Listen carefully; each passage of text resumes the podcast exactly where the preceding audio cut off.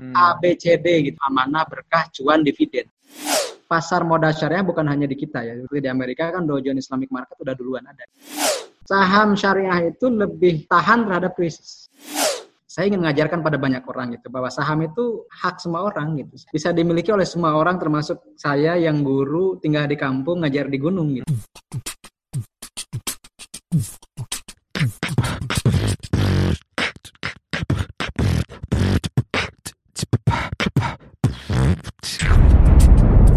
Cuap-cuap cuan. Hai Sobat Cuan, kita ada di episode keberapa ya ini? Uh, cuap-cuap hmm. cuan ya, udah banyak lah ya pokoknya. Ke sepuluh kayaknya. Ah, eh, enak 10. aja. Oh enggak ya, udah banyak ya? udah banyak. Oh, udah, banyak Okay. udah 20-an lebih. Nah, episode kali ini terasa. kita ada yang spesial nih Daniel, karena hmm. kita ngobrolin investasi. Kan memang ya, hmm. biasa kita ngomong tentang cuan gitu, investasi, manajemen keuangan.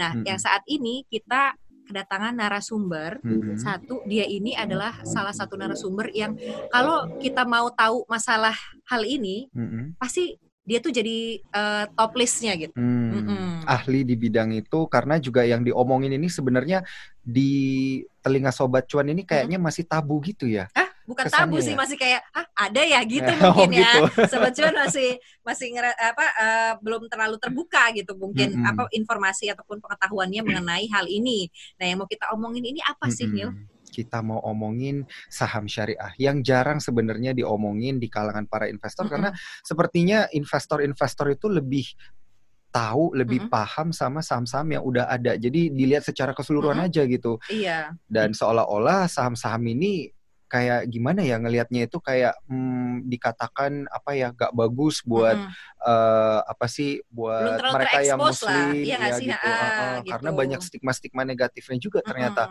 ba dari apa tuh namanya yang disebutkan oleh para investor karena ngapain Betul. sih main saham saham mm -hmm. itu gini nih gini mm -hmm. pokoknya banyak negatifnya mm -hmm. gitu mm -hmm. jadi nah kebetulan narasumber kita Mang Amsi ini ahli di bidangnya dan seperti yang tadi praktisi bilang, bisa dibilang mm -hmm. ya Nah ini kita sapa dulu. Halo Mang Amsi, Assalamualaikum. Waalaikumsalam warahmatullahi wabarakatuh. Mbak Alin sama Bang Daniel ya? Iya. Iya. Ada Alin sama Daniel ya, di sini nih, Mang. semuanya. Iya. Sehat-sehat nih, Mang Amsi. Alhamdulillah. Hmm, katanya lagi di sehat dan iya katanya lagi di tengah hutan ini Mang Amsi di daerah mana ini tepatnya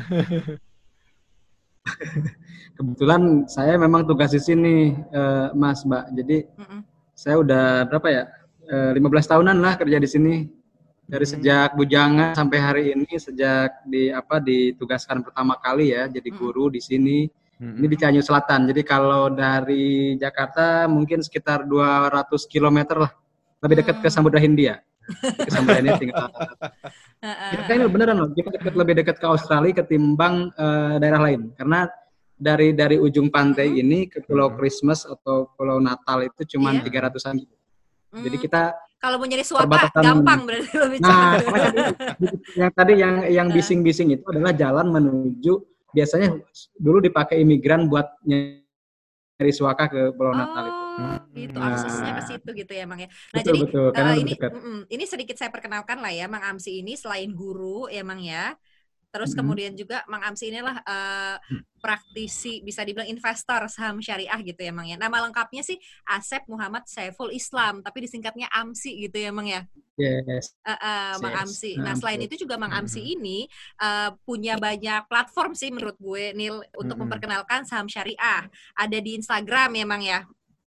Terus udah gitu ada, ada di uh, uh, ada di blog dan suka diundang jadi pembicara-pembicara mengenai saham syariah gitu. Mantap. Jadi ini dan adalah itu orang, semua hmm? dan itu semua dilakukan dari tempatnya Mang Amsi nih yang udah 15 tahun di sana ya. Iya, gitu, Mbak. Wow, berarti mm-mm. dari jarak jauh juga ya di mana pun ya berarti uh, ya. jadi investasi saham tuh semudah mm-mm. itu ya. Kita mau dari mana pun juga bisa gitu. Ya nggak bang? Betul betul. Iya nah, karena kita kan jargonnya dari belantara untuk nusantara. Hmm, mantep ya tuh. Mantap. Nah jadi ini yang mau kita tanyain dulu nih mang. Kalau uh, uh, uh, basic pertanyaannya adalah pasti gini sih, apa sih saham syariah itu gitu? Bedanya sama konvensional tuh apa? Kalau konvensional kan mungkin sekarang semua uh, sobat cuan ya yang anak-anak hmm. muda nih mang nih udah banyak nih yang mulai terjun ke investasi saham gitu. Nah, hmm. tapi ini kan ada opsi lain ternyata ada saham syariah. Nah, itu gimana tuh saham syariah ini? Oke, makasih uh, Mbak Alin pertanyaannya. Jadi kalau kita ditanya apa sih saham syariah gitu ya? Mm -hmm. Sebenarnya sih saham syariah itu adalah istilah untuk menyebut saham yang perusahaannya sesuai dengan atau uh, patuh secara syariah atau syariah compliance ya. Hmm. Jadi intinya gini, kalau kita bagi sebenarnya uh, emiten atau perusahaan syariah di Indonesia itu kan ada dua tipikal ya, ada dua ada hmm. dua tipe gitu. Pertama yang uh, aktif gitu, maksudnya emiten emiten syariah aktif, yang kedua emiten syariah pasif. Ini istilah kategorisasi dari OJK ya sebenarnya. Jadi yang aktif itu yang dimaksud dengan aktif adalah ketika perusahaan tersebut uh, dari awal sudah menyatakan diri bahwa memang mereka perusahaan uh, syariah gitu, perusahaan yang syariah compliance misalnya di situ ada dewan pengawas syariahnya dan uh, berbagai uh, namanya uh, persyaratan untuk bisa disebut sebagai perusahaan syariah itu mereka mereka penuhi gitu. Misalnya di bursa kita yang sudah terdaftar ya. Karena kan ini di bursa efek itu ada 699 saham. Mm-hmm. Ada 699 saham ya atau perusahaannya sih ada sekitar 695 atau 96 karena yang yang empat itu ada saham preference. Nah, dari 699 itu yang bisa diperjualbelikan itu ada 450-an saham syariah. Hmm. Nah, dari 450-an saham syariah itu ada empat yang aktif syariah. Maksudnya tadi yang kita kategorikan bahwa mereka adalah emiten aktif syariah yaitu BRI Syariah, BTPN Syariah, Panin Dubai Syariah Bank dan satu lagi asuransi jiwa abadi. Jadi itu hmm. dari awal memang sudah menyatakan sebagai ada ART-nya sudah menyatakan diri sebagai uh, saham atau emiten syariah. Hmm. Sementara yang lainnya yang sekitar 440-an lebih itu itu disebut emiten pasif. Hmm. Uh, dan ya sama Mbak Alin. Jadi hmm. karena mereka itu tidak menyatakan langsung sebagai uh, perusahaan syariah gitu. Tapi mereka tidak menyatakan uh, tetapi ada pihak ketiga atau uh, regulator atau misalnya otoritas yang uh, memilih dan memberikan kriteria bahwa mereka adalah perusahaan syariah yaitu OJK dengan uh, yang rapat pleno dengan uh, De Dewan Syariah Nasional MUI. Nah, hmm. ini di sinilah akan muncul kriteria gitu. Hmm. Muncul kriteria ya kriteria. Kriterianya yang pertama adalah core bisnisnya harus me, uh, harus mematuhi syariah. Hmm. Maka di situ dikeluarkan misalnya perusahaan-perusahaan minuman keras, perusahaan-perusahaan rokok, perusahaan-perusahaan perbankan yang uh, berbasis riba atau bunga ribawi gitu ya. Hmm. Itu udah jelas dikeluarkan. Nah, kalau misalnya itu sudah lolos, katakanlah ada hotel nih, hotel kan secara bisnis itu hospitality itu boleh gitu ya. Hmm. Nah, kemudian kriteria yang kedua atau saringan yang kedua adalah total utang berbasis bunganya tidak lebih dari 45% hmm. dari total aset hmm. gitu. Jadi total total uh, total hutang berbasis bunga tidak lebih dari 45% aset. Nah, kemudian yang terakhir adalah total pendapatan non halal itu tidak boleh lebih dari 10%, Mbak. Nah, hmm. jadi kalau sudah melewati tiga kriteria itu, kalau kita buat seperti ibarat seperti corong gitu ya, kalau misalnya disaring hmm. dan tiga-tiganya close, nah itu udah lulus. Lulus hmm. sebagai uh, emiten syariah di Indonesia gitu. Nah, Karena kenapa tapi, saya garis bawahi di Indonesia? Kenapa? Karena karena di negara lain berbeda kriterianya. Gitu. Hmm. Uh, yang membedakan apa nih, Mang Amsi? Tadi kan Mang Amsi bilang kriterianya di Indonesia sama di luar negeri beda. Hmm. Oke, okay.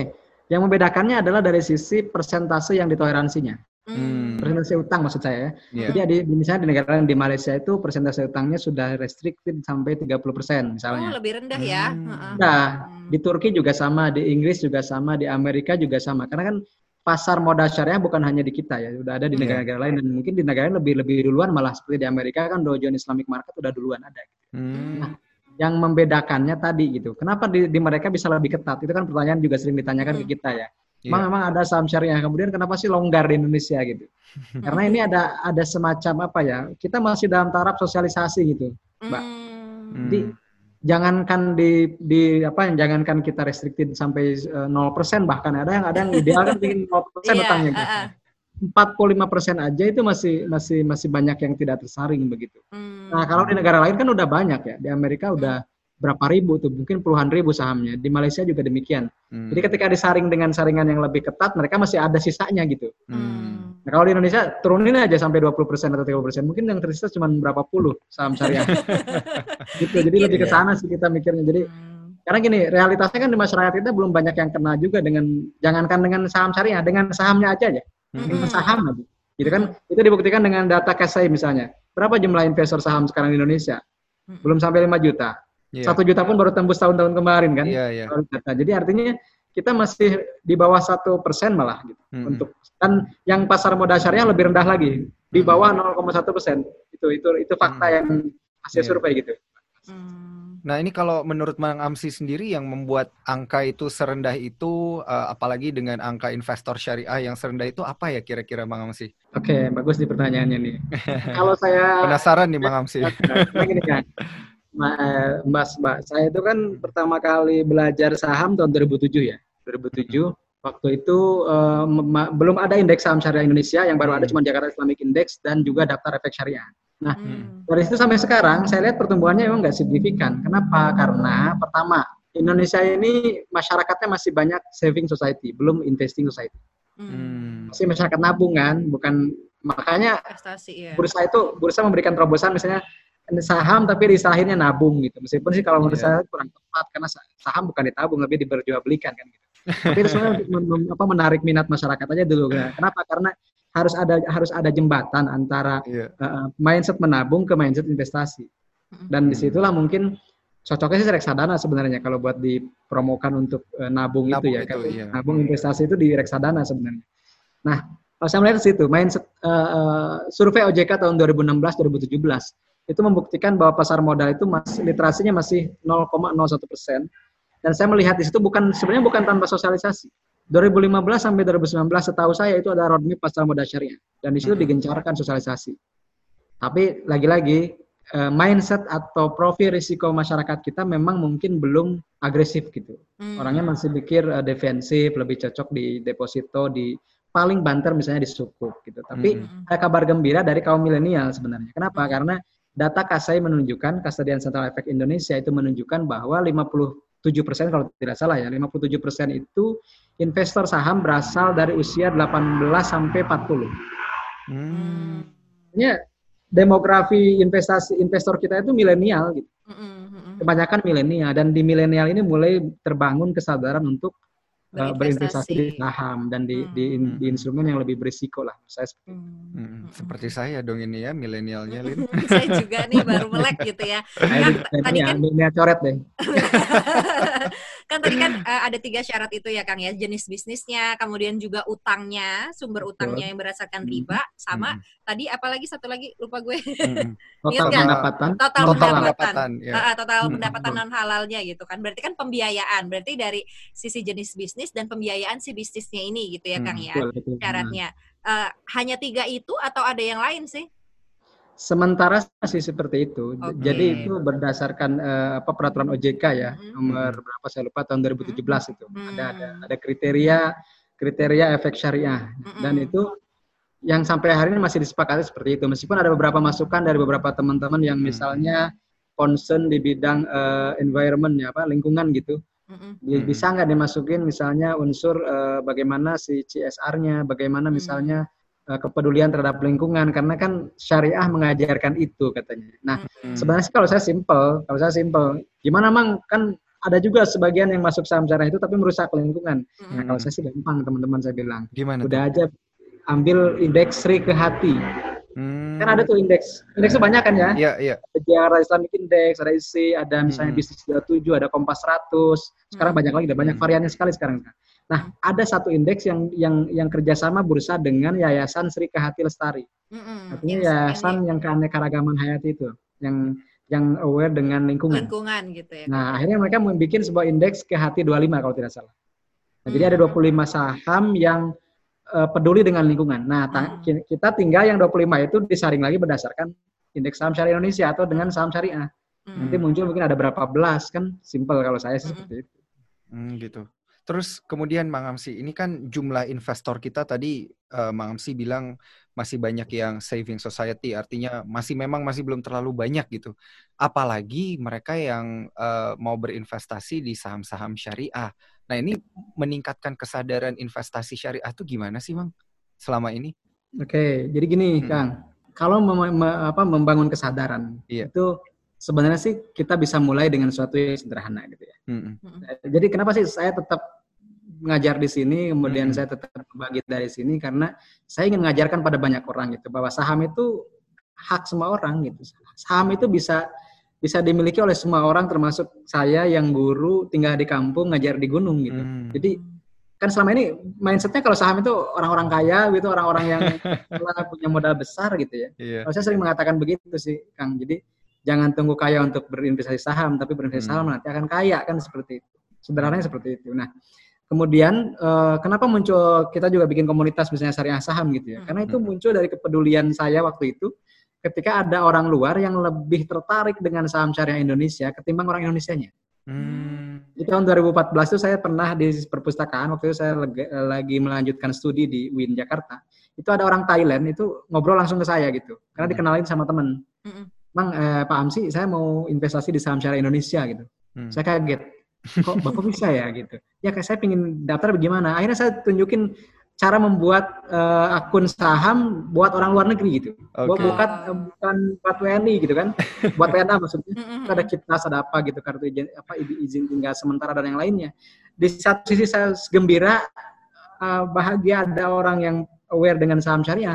Di sisi lain saya miris gitu. Kok orang luar lebih tahu gitu. Ketimbang orang kita.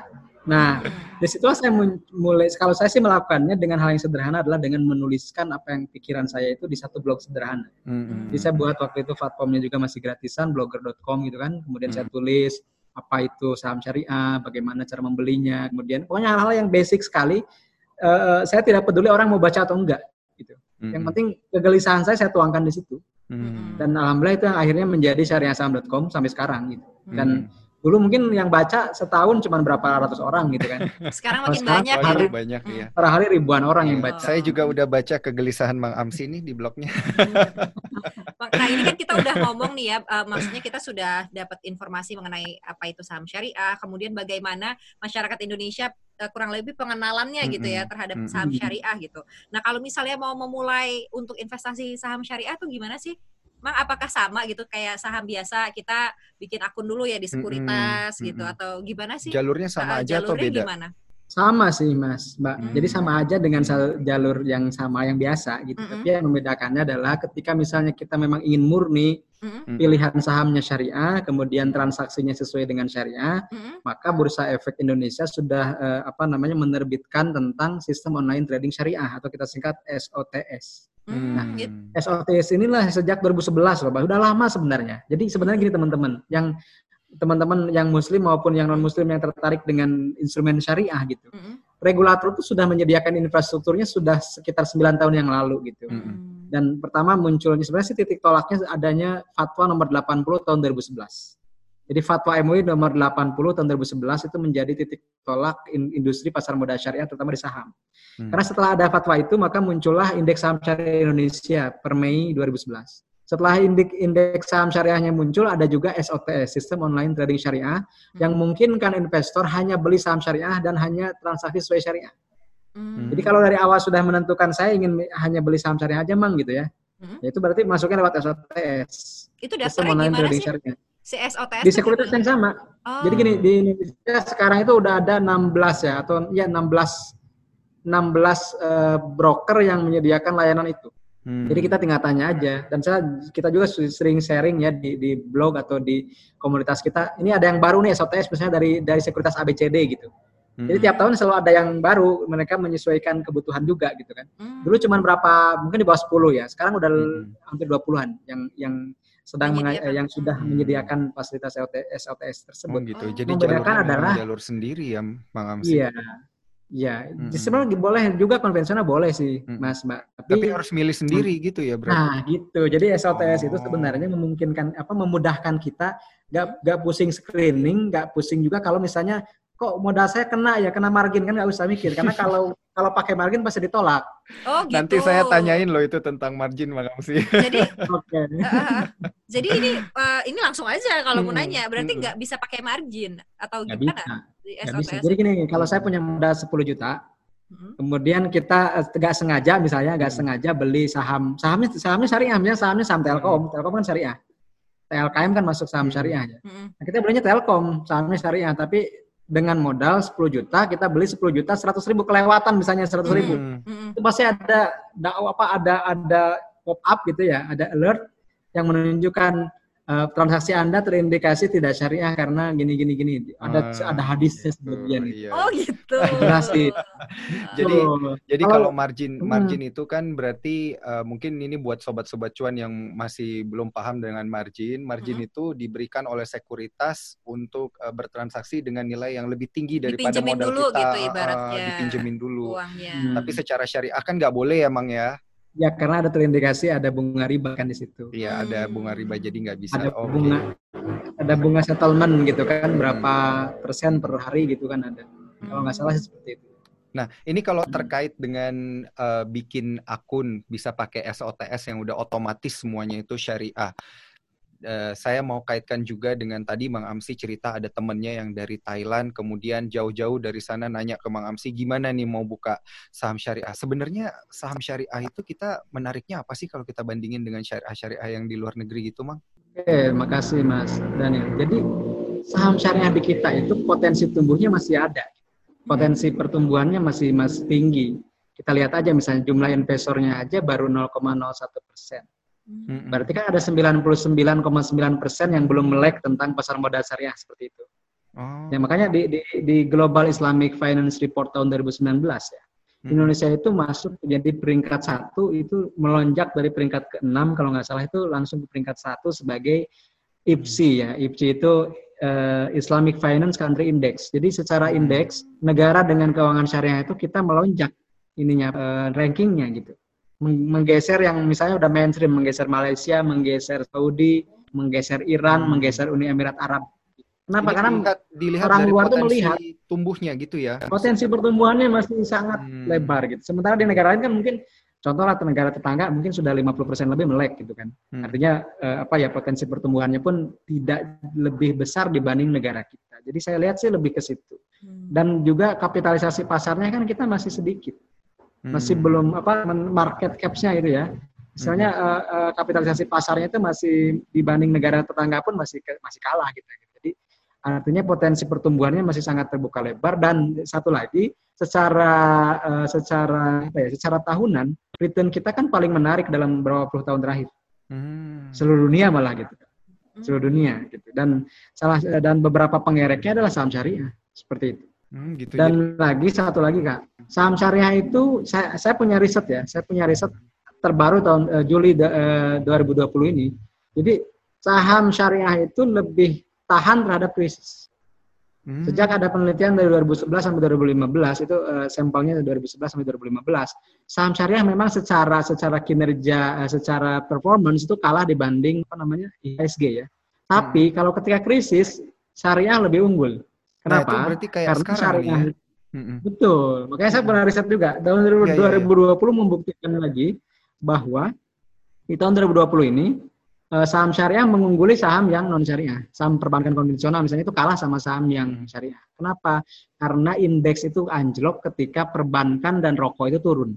Hmm. Sementara dua dua pengerek indeks ini tidak ada di syariah karena di syariah itu pengereknya satu TLKM oh. yang TLKM ini dibutuhkan. Uh, yang ini iya, dibutuhkan iya, ketika masa pandemi ya from home lah saya kayak saya teaching from home lah. Jadi telkom justru diuntungkan begitu ya. Ini kayaknya Bang Amsi sudah kasih kita kisi-kisi nih ya. beli oh, iya. nih kayaknya nih ini. Jadi tadi itu kalau, salah satu contoh aja. oh oke okay, oke. Okay. Tapi kalau strategi memilih saham syariah itu sama nggak sih, Mak? Sama ketika kita memilih saham-saham konvensional? Sama aja sih, Mbak. Karena gini sih, mm -hmm. kalau saya melihatnya ya, saya melihatnya uh, konvensional dan syariah di saham itu tidak seperti konvensional dan uh, syariah atau dikotomi itu di di instrumen lain. Hmm. Kayak gini perbankan kan jelas. Mm-hmm. Jelas kak. BRI itu warnanya biru, BRI Syariah warnanya oranye. Mm-hmm. Yeah. Nah, Bank Mandiri itu biru, Syariah Mandiri hijau gitu. Mm-hmm. Beda kantornya, beda cabang-cabangnya, beda manajemennya.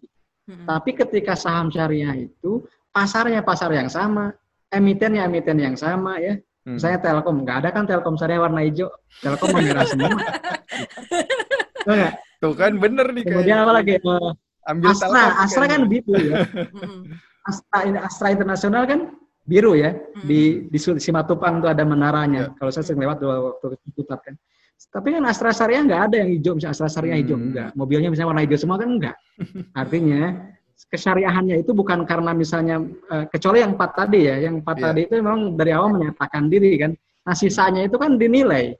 Hmm. Makanya setiap enam bulan direview, hmm. enam bulan direview ini masih masuk ke syariah masih masuk ke kriteria yang tiga tadi gitu. Nah makanya yang saham syariah ini dinamis setiap tahun berubah-ubah. Kecuali memang ada yang ada yang tidak berubah sama sekali gitu. Nah itu kan ada enam bulan sekali di review nih, Mang. Misalkan kita punya satu hmm. emiten nih, hmm. uh, pas kita beli hmm. gitu, itu dia masih masuk list saham syariah dan kita belinya lewat SOT hmm. apa? SOTS. SOTS hmm. tadi. SOTS. Terus kemudian hmm. kita masih ngekip nih, nggak kita trading, masih kita uh, kita hold aja gitu sahamnya enam yeah. bulan kemudian mm -hmm. dia sudah keluar dari list syariah. Mm -hmm. Bagaimana nasib kita, Ayo loh, uang berarti, kita?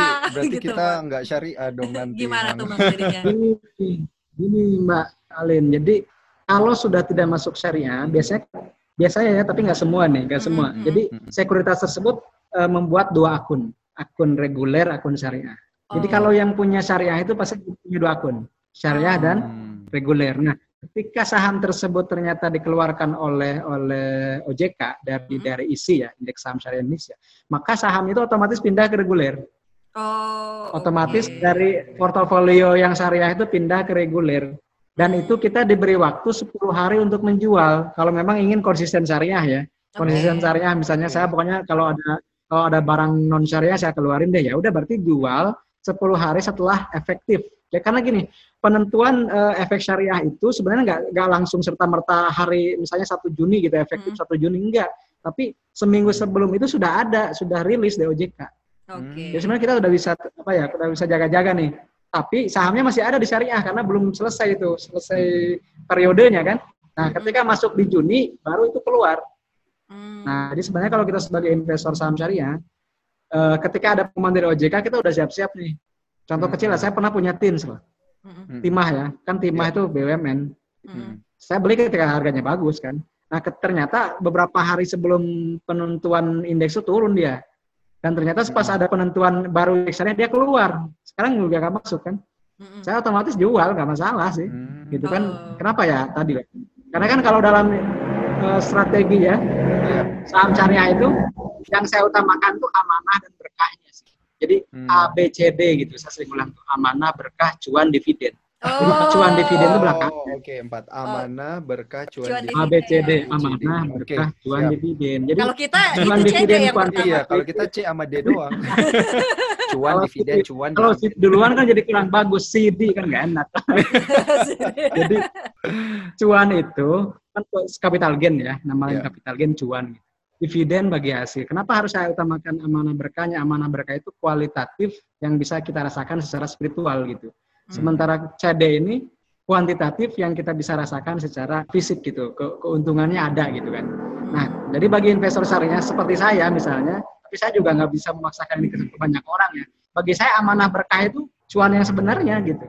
Kenapa? Hmm. Karena kita melatih bahwa di ekonomi sekalipun atau di transaksi yang sifatnya finansial pun kita diuji hmm. keimanan gitu kan. Kita nggak tergiur dengan hmm. perbankan konvensional kita tidak tergiur dengan multi bintang Indonesia yang jualan bir misalnya di situ amanahnya di situ gitu. Sama kemudian berkahnya adalah gitu ya, kita sudah cuan. Iya betul. Ketika sudah cuan hasilnya bukan hanya untuk misalnya ya tadilah buat belanja atau apa tapi kita juga sedekahkan kita juga zakat zakati dan kita wakaf juga gitu, dari dari hmm. dari hasil saham. Nah, gitu. ini Mam sih ngomong-ngomong ngomong-ngomong tentang uh, cuan dan juga dividen nih. Mang Amsi sendiri kan hmm. kalau secara amanah dan berkah ini sepertinya udah aman. Kalau kita ini nggak aman ya amanah sama berkahnya. kita mikirannya cuan sama dividen doang soalnya. Tapi dari sisi cuan sendiri, Mang Amsi uh, capital gainnya itu paling tinggi pernah dapat berapa banyak tuh Mang Amsi? Oke, terima kasih nih pertanyaannya. Saya harus inget-inget dulu mana yang paling gede ya. Karena udah lama ya. Alhamdulillah, berarti cuan gede. saya pernah pernah cuan besar di waktu itu emiten kabel ya, 2016 atau 2017 hmm. gitu dari 300-an ke 800 itu harganya. Hmm. Kemudian juga di saham satu salah satu saham telco juga dari seratusan ke tiga ratusan jadi sekitar 300 persen lah kita pernah dapat hmm. gitu ya. Hmm. meskipun dengan dengan modal yang tidak banyak gitu ya tentunya. Jadi bagi saya gini sih eh, Mas Mbak. Jadi yang penting itu bagaimana kita siap rugi gitu ya. Kalau siap untung mah biasa. Jadi hmm. orang ini ya itulah ya, kadang. Jadi kan saya mungkin salah satu yang kontrarian dengan kebanyakan investor atau ya apa ya katakanlah yang suka ngomong saham gitu. Kalau yang ngomong saham yang lain kan bicaranya untung untung untung. Kalau saya emang enggak rugi rugi rugi gitu. Kenapa? Karena orang itu lupa.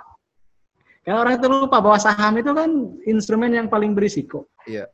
Nah, kalau instrumen yang paling berisiko, kenapa tidak kita manage risikonya gitu? Makanya nah. kalau tadi bicara strategi ya, Mbak Uh, pertama fundamental itu harus bagus sahamnya. Hmm. Fundamentalnya bicara what to buy kan, apa yang dibeli hmm. gitu. Kemudian teknikal, teknikal itu timingnya kapan sih cocok beli gitu. Hmm. Jangan sampai sahamnya bagus tapi timingnya kurang bagus, akhirnya nyungsep kan gitu. Nah tapi yang paling penting ini orang sering lupa dan sering jarang dibahas juga money management.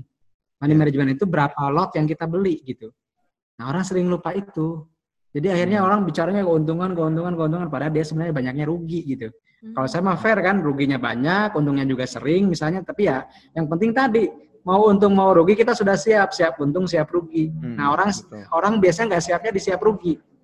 Hmm. Nah kalau saya sudah siap, tadi tadi pagi itu, tadi pagi ada ada satu saham saya yang terjual otomatis, kenapa? Karena sudah menyentuh batas stop lossnya. Kita udah hmm. biasa stop loss gitu. Tapi kan ada orang yang nggak mau stop loss ya. Itu enggak. Jadi kan kalau kalau di podcast saya bisa jujur-jujuran semua, ceritain aja gitu. Dan semua juga saya berusaha Itu yang diceritain ini. stop lossnya ya. Nanti pada takut semua nih sama Mang Amsi nih. Enggak, so gini, nih, nih, mungkin juga banyak teman yang nggak sadar ya. Kalau kita beneran sudah hidup di saham, untung rugi itu biasa, jadi rasanya tawar. Hmm. Oh gitu. Jadi untung biasa, Oke. Okay. rugi juga biasa. Berarti kita benar-benar hidup di situ. Hmm. Kalau misalnya untung masih euforia, kemudian kalau rugi menangis, berarti kita masih belum hidup di saham.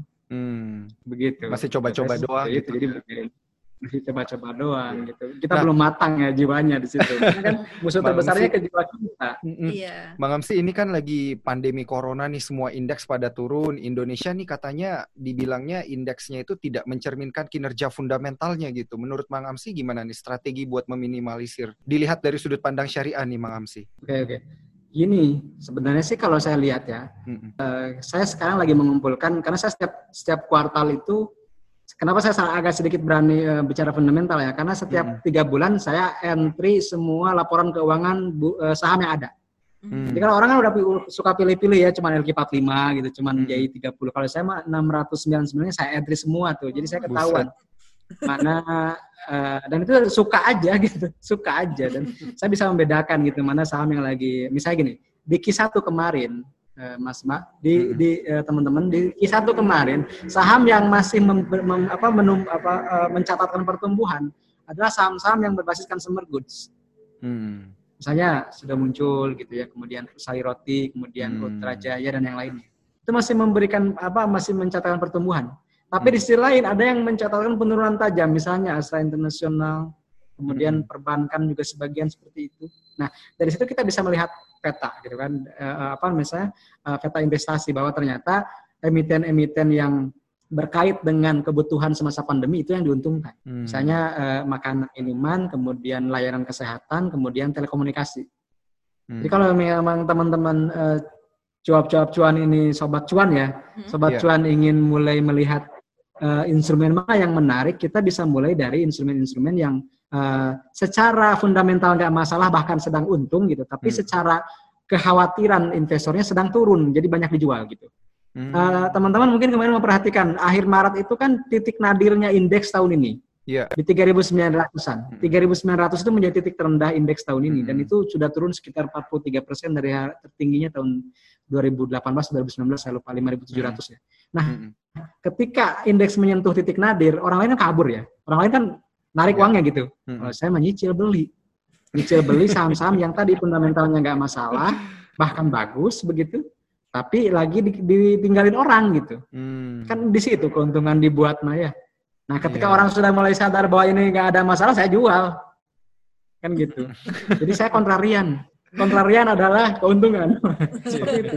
Orang lepas saya beli, orang beli saya lepas gitu. Kenapa? Di situ saya mendapatkan keuntungan misalnya rata-rata 30% dalam mungkin beberapa minggu ya. Yeah. Dan setelah itu saya saya juga nggak terlalu banyak trading. Kenapa? Karena bagi saya 30% keuntungan itu sudah setara dengan enam tahun deposito lah. Hmm. hmm. Kita ya, nyimpen karena... deposito tuh lima persen per tahun. Betul. Mm-hmm. Cuan 30 persen kan udah enam tahun. Enam tahun. Artinya setelah enam eh, kita sudah menghemat waktu secara enam tahun teman-teman. Jangan terlalu serakah iya, juga. Sebenarnya sederhana aja ya mikirnya ini ya, Mang Amsi kita aja kayaknya nih yang iya. bikin mikirnya susah-susah gitu ya. Iya iya. Karena gini kan, karena gini saham itu kadang dibuat rumit gitu. Mm-hmm. Karena sederhana. Mm. Sederhana. Nah, kan jadinya biar, biar hebat, biar biar, biar keren. Jadinya nih Mang Amsi di kondisi kayak sekarang ini amannya tuh gimana kita portofolionya dari sisi syariah sendiri? Apakah kita lebih banyak lebih ke overweight ke consumer seperti yang tadi analisa Mang Amsi uh, atau seperti apa nih Mang Amsi? Hmm. Oke, okay, yang pertama strateginya jangan semua dulu, Kang. Mm -hmm. um, Mbak. Jadi jangan all in ya, misalnya punya modal 10 juta semuanya dimasukin gitu. Jangan. Hmm. Teman juga ada yang nanya, "Mang, boleh nggak saya saya jual mobil nih 300 juta, boleh nggak saya masukin di satu saham tertentu?" Saya bilang, "Jangan. Diversifikasilah ke beberapa saham, kemudian jangan masuk semuanya, cicil. Hmm. Kalau misalnya per sahamnya sekitar uh, eh, 100 juta, cicilah menjadi 100 kali beli atau misalnya uh, eh, 50 kali beli. Hmm. Pakai teori dollar cost averaging lah istilahnya. Yeah. Jangan jangan masuk semua dulu. Kenapa? Karena kita nggak tahu ini resesi itu akan sampai kapan sih gitu kan? Hmm. Karena gini, kalau orang kan sukanya memprediksi ya, Mas Mbak. Jadi kapan nih gitu prediksi? Kalau saya enggak. Tugas saya sebagai pedagang saham, sebagai investor adalah bereaksi, bukan memprediksi. Apa pun yang terjadi, saya saya bereaksi. Apakah harus beli atau harus jual sesuai dengan analisis yang kita miliki ya. Seperti tadi ditanyakan apakah di masa pandemi ini kita seperti apa? Kalau saya sih wait and see sambil nyicil saham yang bagus gitu. Hmm. Bagus secara fundamental, pertumbuhannya juga setiap tahun terus tumbuh meskipun bahkan di masa krisis. Kenapa tadi saya menyarankan consumer goods? Yeah. Karena secara riset yang saya buat secara kecil-kecilan itu riset dari sejak tahun 90-an sampai tahun 2020 indeks atau uh, sektor yang paling tahan terhadap krisis adalah sektor consumer goods. Hmm. Itu satu. Jadi uh, mulainya dari dari apa ya dari dari top top top down ya analisisnya gitu. Hmm. Oh ini uh, sektor yang paling tahan terhadap krisis. Kemudian setelah itu kita seleksi sahamnya apa aja. Hmm. Kemudian seleksi lagi yang pertumbuhannya terus, dividennya juga bagus, uh, manajemennya juga tidak pernah apa, tidak pernah diceritakan kurang bagus. Jadi hmm. di situ kita mulai analisis, kemudian mulai masuk sedikit-sedikit seperti hmm. itulah. Kalau menurut saya seperti itu sebenarnya benar-benar sederhana nyicil beli ketika saham itu lagi turun dan ditinggalin gitu ya. Nah, momentum hmm. exit jualnya itu gimana cara nentuinnya? Ini kan biasa kita taunya beli doang, nah jualnya nggak tahu kapan Jual gitu. Nyangkut akhirnya yeah, yeah. karena telat ini. Hmm. Jadi kalau kalau kalau saya berguru dengan teman banyak orang gitu ya dan banyak hmm. guru. Jadi masuk itu gampang. Hmm. Sebenarnya sih kalau kalau saya boleh cerita masuk kapan aja gitu kan. Yang penting punya uang. Itu kan uang-uang kita bukan uang orang lain ya. Orang kan orang dibikin ribet gitu. Uang-orang uang-uang kita kok orang kritik kita gitu ya. Padahal kan kita yang apa kita yang sudah siap dengan kerugiannya. Tapi hmm. kalau bicara kapan jual, kita kita yang membatasinya. Kita hmm. yang membuat misalnya kalau istilah Pak Guru uh, Budi Hikmat guru saya itu acuan untuk cuan gitu. Acuan Ada untuk acuan cuan. Untuk cuan. Nah, itu kan acuan kan tiap orang bisa berbeda, Mas. Hmm. Kalau saya misalnya acuan untuk cuannya eh, ketika misalnya uh, saham tersebut sudah naik tiga kali deposito, saya udah jual. Hmm. Karena itu sudah menghemat tiga tahun. Kalau saya kan seperti seperti, seperti itulah. Yeah, yeah, yeah, setiap yeah. orang bisa berbeda ya. Setiap orang bisa berbeda. Saya tidak bisa menyebutkan misalnya satu strategi atau satu acuan yang cocok. Ada juga misalnya ada ada ada seorang ibu-ibu yang sudah sepuh, dia acuannya sederhana. Kalau sudah untung satu nilai mobil Jepang dia jual misalnya. Wow. Mungkin modalnya gede ya. Kalau saya kan dia kan miliaran kayaknya. Ya. Jadi kalau sudah cuannya sudah setara dengan mobil Jepang katakanlah 200 atau 300 juta dia jual. Nah, itu kan hmm. setiap orang bisa berbeda. Nah, yang penting adalah teman-teman harus menyiapkan atau uh, apa menargetkan sesuai dengan uh, uh, risiko yang kita uh, bisa pertaruhkan di situ gitu ya. Nah, hmm. Nah, tapi juga saya mungkin boleh memberikan sebuah usul cara mudahnya adalah ini cara saya sekarang sih, cara saya di di tahun ini di masa pandemi ini saya baru nemu ini sekarang. Jadi simpelnya adalah teman-teman kumpulin riset sekuritas. Misalnya gini, ICBP ya saya sebut bilang. ICBP itu kan Indofood, ICBP Situs Makmur ya. Indomie ya, kalau mahasiswa pasti kenal lah, familiar sekali kan. Makanan sehari-hari. Iya, yang sangat familiar dengan mahasiswa itu kan ICBP sama KLBF ya. Hmm. Jadi kalau punya uang beli mie, kalau nggak punya uang beli proma, selesai. jadi dua-duanya dibukuin. Proma KLB Parma. Jadi selama mahasiswa makan mie berarti ICBP laku berarti KLBF pun laku gitu. Jadi ada ada sinergi di situ, ada simbiosisnya. Jadi ketika kita ngobrolin tadi ya, ngobrolin misalnya kapan acuan untuk cuannya tadi, misalnya berapa persen sih dari dari modal awal atau dari dari harga beli kita mau mau dicari. Nah, terakhir adalah uh, uh, analis report berapa? Misalnya gini, ICBP tadi ya, ICBP itu yeah. misalnya sekuritas A targetnya 9.800, sekuritas B targetnya uh, 9.900, tar sekuritas C targetnya 10.000 sekian. Jadi mm -hmm. karena misalnya gini, dalam fase uh, tau, uh, apa kuartal ini misalnya hmm. ada 10 sekuritas yang menyarankan beli ICBP di uh, beli ICBP buy 10. Hmm. Hold 0, sell 0. Jadi kan semuanya menyarankan beli nih. Tinggal hmm. kita hitung target dari masing-masing tersebut kemudian di average, di rata-rata berapa. Hmm. Nah, saya melihat itu ada korelasinya dengan teknikal. Jadi ketika hmm. ketika target price itu dirata-ratakan, maka rata-rata itu adalah rata-rata fund manager di situ mereka jual. Hmm. Saya sudah buktikan di bulan-bulan kemarin itu. Misalnya Kal okay. Kalbe Pharma. Kalbe Pharma itu target rata-rata sekuritas ada 1.400 sekian. Hmm. Dari beberapa puluh yang saya kumpulkan. Ternyata di harga itu dia sideways, dia konsolidasi nggak naik nggak turun karena itu mungkin sudah mulai ada yang jual, ada yang beli, ada yang jual, ada yang beli gitu. Akhirnya grafiknya landai gitu, grafiknya apa namanya datar. Yeah. Kemudian uh, Unilever, Unilever itu misalnya UNVR ya yang kemarin heboh dengan LGBT dan yang lainnya. Yeah. UNVR itu 8.800 teman-teman. Jadi kalau sudah mendekati 8.800 biasanya turun lagi. Akan Karena konsolidasi lagi. Konsolidasi lagi. Jadi ternyata di situ adalah rata-rata dari harga dari sekuritas itu seolah-olah kesepakatan di situlah kita mereka jual gitu. Hmm. Jadi kalau misalnya ingin beli ya berarti harus di bawah itu diskonnya mau berapa persen dari dari dari target hmm. mereka. Oh, itu yang saya alami di tahun okay. ini sih seperti itu mungkin yang bisa saya share hmm. tentang target price ya. Wah dalam ini. Risetnya berarti harus kenceng ya. iya risetnya harus kenceng ini berarti Bang Amsi. Karena risetnya kan saya sambil WFH tuh nggak ada kerjaan. ya udahlah ini kembali lagi ke laptop nulis-nulis kayak gitu. Saya share di blog, saya share di komunitas ya seneng aja sih mas. Iya iya iya. Hmm. Dalam ini Bang Amsi. karena ini karena ini termasuk juga dengan entry strateginya juga gitu ya. Entry, entry strategi dan exitnya juga ada di sana gitu. Hmm. Nah, terus hmm. Mang Amsi ini sebenarnya udah berapa tahun sih di saham? Dari tadi belum sempat nanya nih Mang Amsi. Belum lama sih, baru 13-an tahun. Uh, lumayan ya. udah SMP ya kalau anak kecil tuh udah SMP tuh 13 oh, tahun. Saya mulai invest tuh pas awal nikah. Oh gitu. Nah, 2007 lah, 2007 kemudian 2008 bangkrut. Lo beneran nih Mang Amsi? Beneran.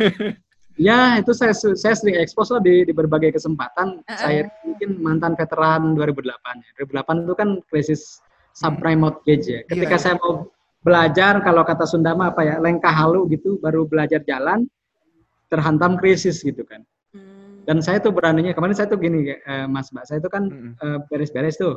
Kemudian bongkar ternyata ada slip gaji saya pas hmm. jadi guru kan itu baru dua setahunan lah jadi guru ya. Hmm. Pas dicek gaji saya itu 800 ribuan waktu hmm. itu.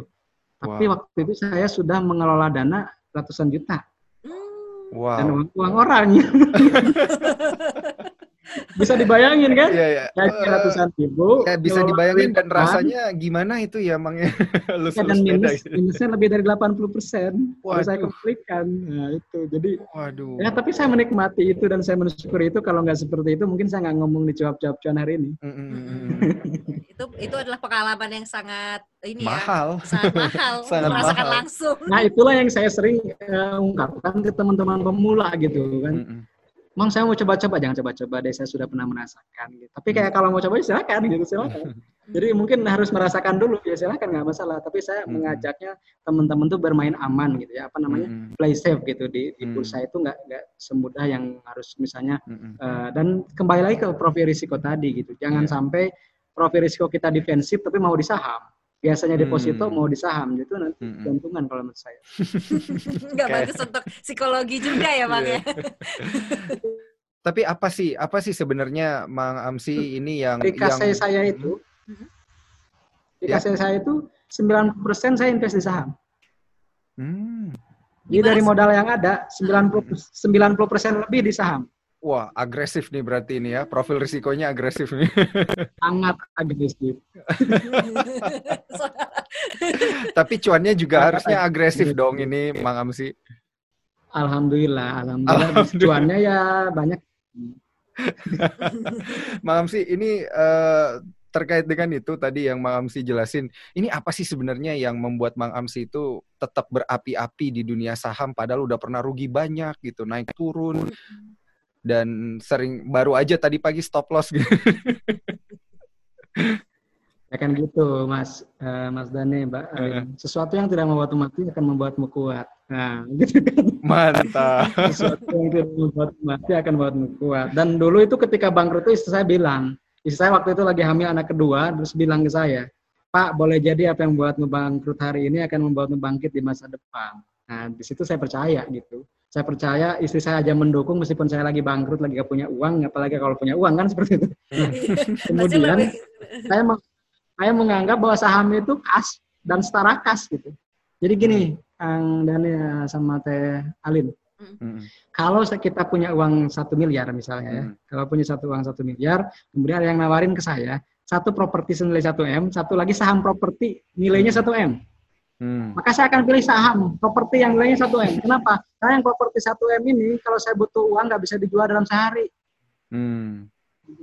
Jadi likuiditas itu adalah kunci hmm. saya. Jadi hmm. ketika misalnya dengan modal yang sama, misalnya properti tadi, katakan nilainya 1 M, kita nggak bisa jual juga misalnya sebagian-sebagian, misalnya pintunya doang, garasinya aja. bisa harus utuh kan? iya, tapi kalau saham properti kan bisa 10 lot dulu, 100 lot dulu bisa. Dan bisa dijual dalam sehari. Kenapa? Karena per hari itu rata-rata 8 sampai 9 triliun transaksi bursa itu. Hmm. Semiliarnya mas 9 ribunya santai gitu. Tapi coba kalau punya properti satu miliar, itu mungkin butuh orang yang mau belinya, apalagi di masa pandemi kayak gini. Karena saya yeah. pengalaman juga punya properti belum kejual juga sampai hari ini gitu. Padahal harganya udah kita turunin gitu. Tapi kalau saham kayak tadi, saham tuh yang stop loss itu saham properti loh.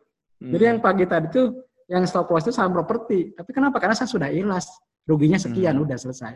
Hmm. Ruginya dikit kok, nggak sampai 2% gitu dari modal yang saya tanamkan di saham itu. Tapi kan bisa terjual, jadi saya punya cash lagi sekarang. Cashnya lebih besar, 90% lebih dari yang modal tadi gitu kan. Gitu, Mang Amsi.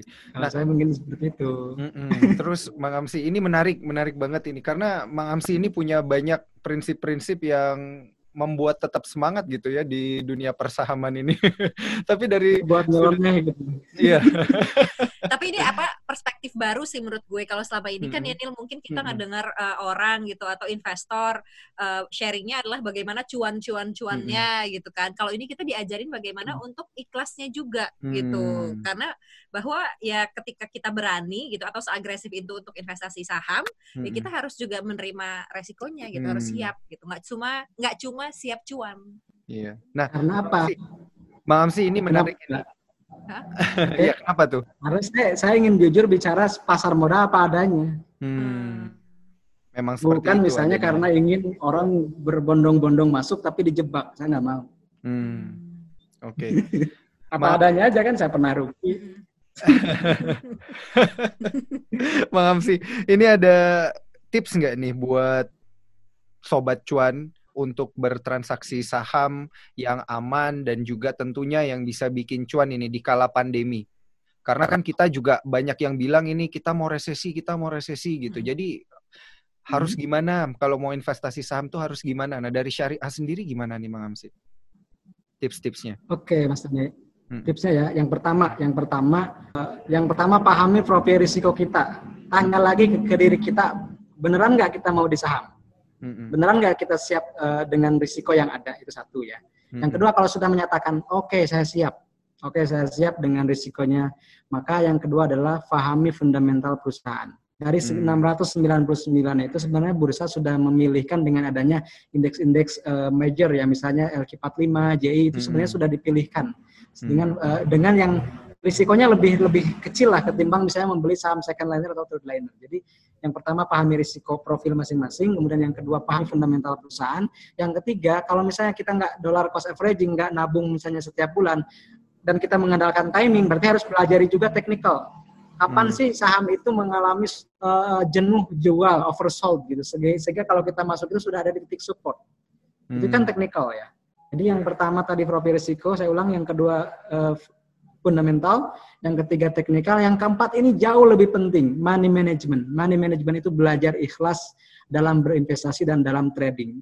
jangankan uh, apa namanya perusahaan-perusahaan second liner, perusahaan misalnya dulu ya. Kenapa saya jeblos 2008? Kita kan waktu itu kita masuk di LQ45 yang isinya adalah mohon maaf grup saham-saham grup Bakri dan karena waktu LQ45. Hmm. Jadi tapi kan siapa tahu setelah itu justru turun yeah. uh, nilainya dan segalanya gitu ya.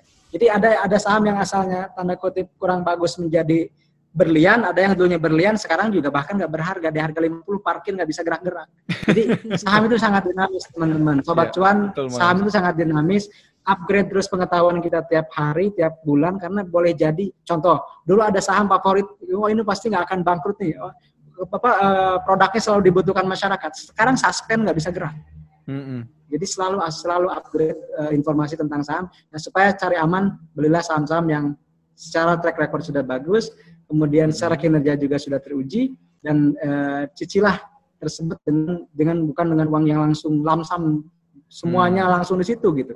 Karena tetap ada risiko yang tidak bisa kita handle ketika itu terjadi. Hmm. Itu mungkin. Mantap, Mang Amsi. Mang, kalau misalnya ini kan kita waktunya terbatas hmm. ya hmm. Uh, di cuap-cuap cuan nih, cuma sejam nih kita ngobrol. Kalau misalnya sobat cuan mau hmm. berinteraksi lagi nih sama Mang Amsi atau mau uh, tanya-tanya atau mau baca-baca, mau mau menimba ilmu lebih banyak dari Mang Amsi bisa ke mana Mang? Oke, hmm. boleh ke blog syariahsaham.com itu satu ya. Hmm. Syariahsaham.com, kemudian di kita punya Instagram juga Syariah Saham, hmm. Twitter Syariah Saham. Kita sih lebih aktifnya di Telegram sih Mbak. Telegram oh. itu kita punya 12.000 member ya sampai siang ini 12-an ribu lah 12-an ribu hmm. member hmm. itu syariah saham juga namanya jadi semuanya kita kita apa ya kita samakan supaya mudah diingat syariahsaham.com, Twitter at syariah saham, Instagram syariah saham, kemudian uh, Telegram syariah saham, kemudian YouTube-nya Sisa TV, SYSA TV. Jadi hmm. kita juga lagi belajar YouTube dan karena kan kita foundernya itu uh, usianya udah lewat 30-an ya. Jadi saya berusaha me, apa ngobrol dengan milenial itu dengan platform mereka gitu. Kan. iya. Saya diajarin gitu. Kalau dakwah itu dengan bahasa kaumnya gitu. Kalau kaum milenial ya nggak masuk pakai Facebook. Meskipun saya juga punya Facebook, Facebooknya syariah saham juga sama ya. Tapi Facebook itu 40 tahun ke atas. Nah 40 tahun ke bawah itu banyaknya YouTube dan Instagram. Ya kita belajar akhirnya Instagram dan YouTube dan seterusnya. Sama kita menyesuaikan saja supaya dakwahnya yeah. sampai Nah, sekarang baru belajar lagi podcast. Nah, sekarang, tuh anak muda nih, banyak yang ngedengerin podcast karena pada sibuk kan di iya. jalan sambil ngapain, tapi butuh informasi. Nah, salah satunya lewat iya, cuap-cuap yeah, ini nih Kak. Gitu gitu. Kita sekalian promo iya, juga. Ya, tadi kan ah, Mang Amsi kan tadi yang promo nih. Saat ini kita yang promo. Hmm. Gitu. Boleh, Amsi. boleh. Hmm. Kasih banyak Mang Amsi. Daniel ada lagi pertanyaannya? Ya, cukup. Mang Amsi Rahasianya Mang Amsi uh, udah closing statement uh, gitu. Saya sebagai muslim, uh, investasi itu adalah sebuah kewajiban. Kenapa? Karena di Quran sudah tersirat di surah 12 ayat 47 dan surah An-Nisa atau 4 ayat 9 bahwa setiap muslim itu harus menyiapkan keturunan yang lebih kuat secara finansial, kemudian juga menyiapkan di masa gemilang, harus menyiapkan uh, ketika di masa malang. Jadi kalau kita punya lebih uh, pendapatan ketika masa gemilang, jangan lupa bahwa kita akan kena masa malang karena itu siklus kehidupan. Nah, ketika di masa malang seperti sekarang atau masa krisis itu terbukti atau dibuktikan siapa orang yang sudah menyiapkan sebelumnya. Jadi hmm. investasi adalah kewajiban. Investasi adalah kewajiban hmm. dalam. Terima kasih, Terima Mang kasih Amsi. banyak, Bang Amsi. Sobat Cuan juga terima kasih. Ya. Assalamualaikum. Ya. Cuan ya. selalu, Bang Amsi. Ya.